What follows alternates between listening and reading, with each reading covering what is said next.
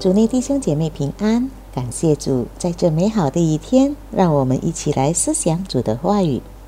今天的门徒灵修曲之于读经运动，主题是“爱是承诺的基础”。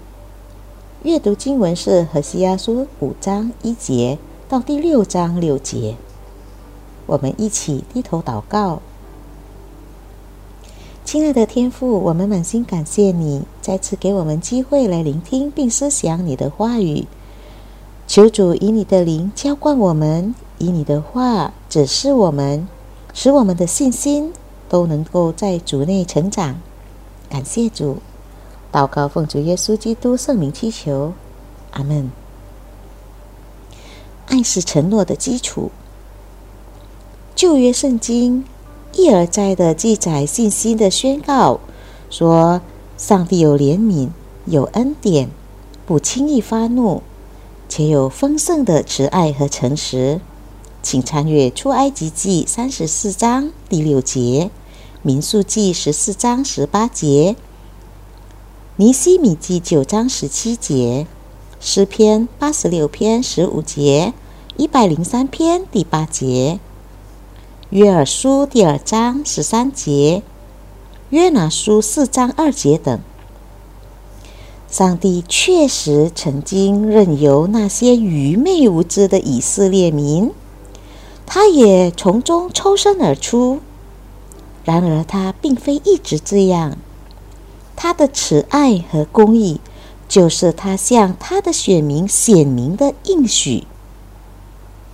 上帝晓得最好的时候，放任有时，行动有时，静默有时，言语有时。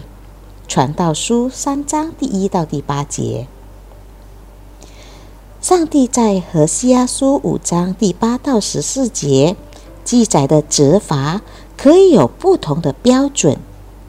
上帝可被认为是狠心或残忍的，但。也可看为是蛮有慈爱的，在这部分，惩罚是上帝爱的行动。虽然痛苦，迫使以色列民或以法莲寻求上帝的面，因上帝的行动而引起的窘迫和困境，到最后必会带来好处。处在困境中，或是没有出路，通常会令我们回转归向上帝。为什么？因为人一般上都有实际思想的倾向，意思是只要能成功或有利或带来愉快，什么都会做。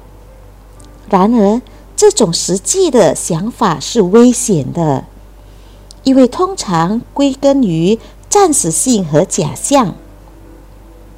只要我能脱离困境，我什么都愿意做。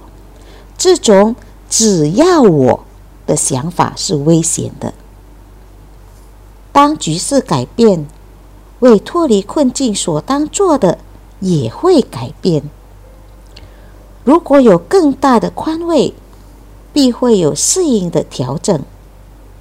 这样的想法完全是错的吗？当然不是。只要这样的想法是基于坚定不移的承诺和爱上帝的心，而不是利用或操纵。奇怪的是，虽然上帝知道自己时常被利用和操纵。但他是有怜悯，不轻易发怒，并有丰盛慈爱和诚实的上帝。因此，他要我们第一要紧的是爱他和忠于他，不是应该的吗？他要我们更深入的认识他，不是应该的吗？上帝知道我们对上帝的爱和认识。必保守我们，使我们的道路在他的眼中看为正。我们一起低头祷告，亲爱的主耶稣，我们满心感谢你，感谢你让我们有机会认识你，主啊，我们要竭力追求更深刻的认识你。因你出现，确如晨光，你必临到我们，像甘雨，像滋润田地的春雨。感谢主，你保守我们，与我们同行，成为我们的避难所，随时的帮助。主啊，我们要爱主更深。感谢主。祷告奉主耶稣基督圣名祈求，阿门。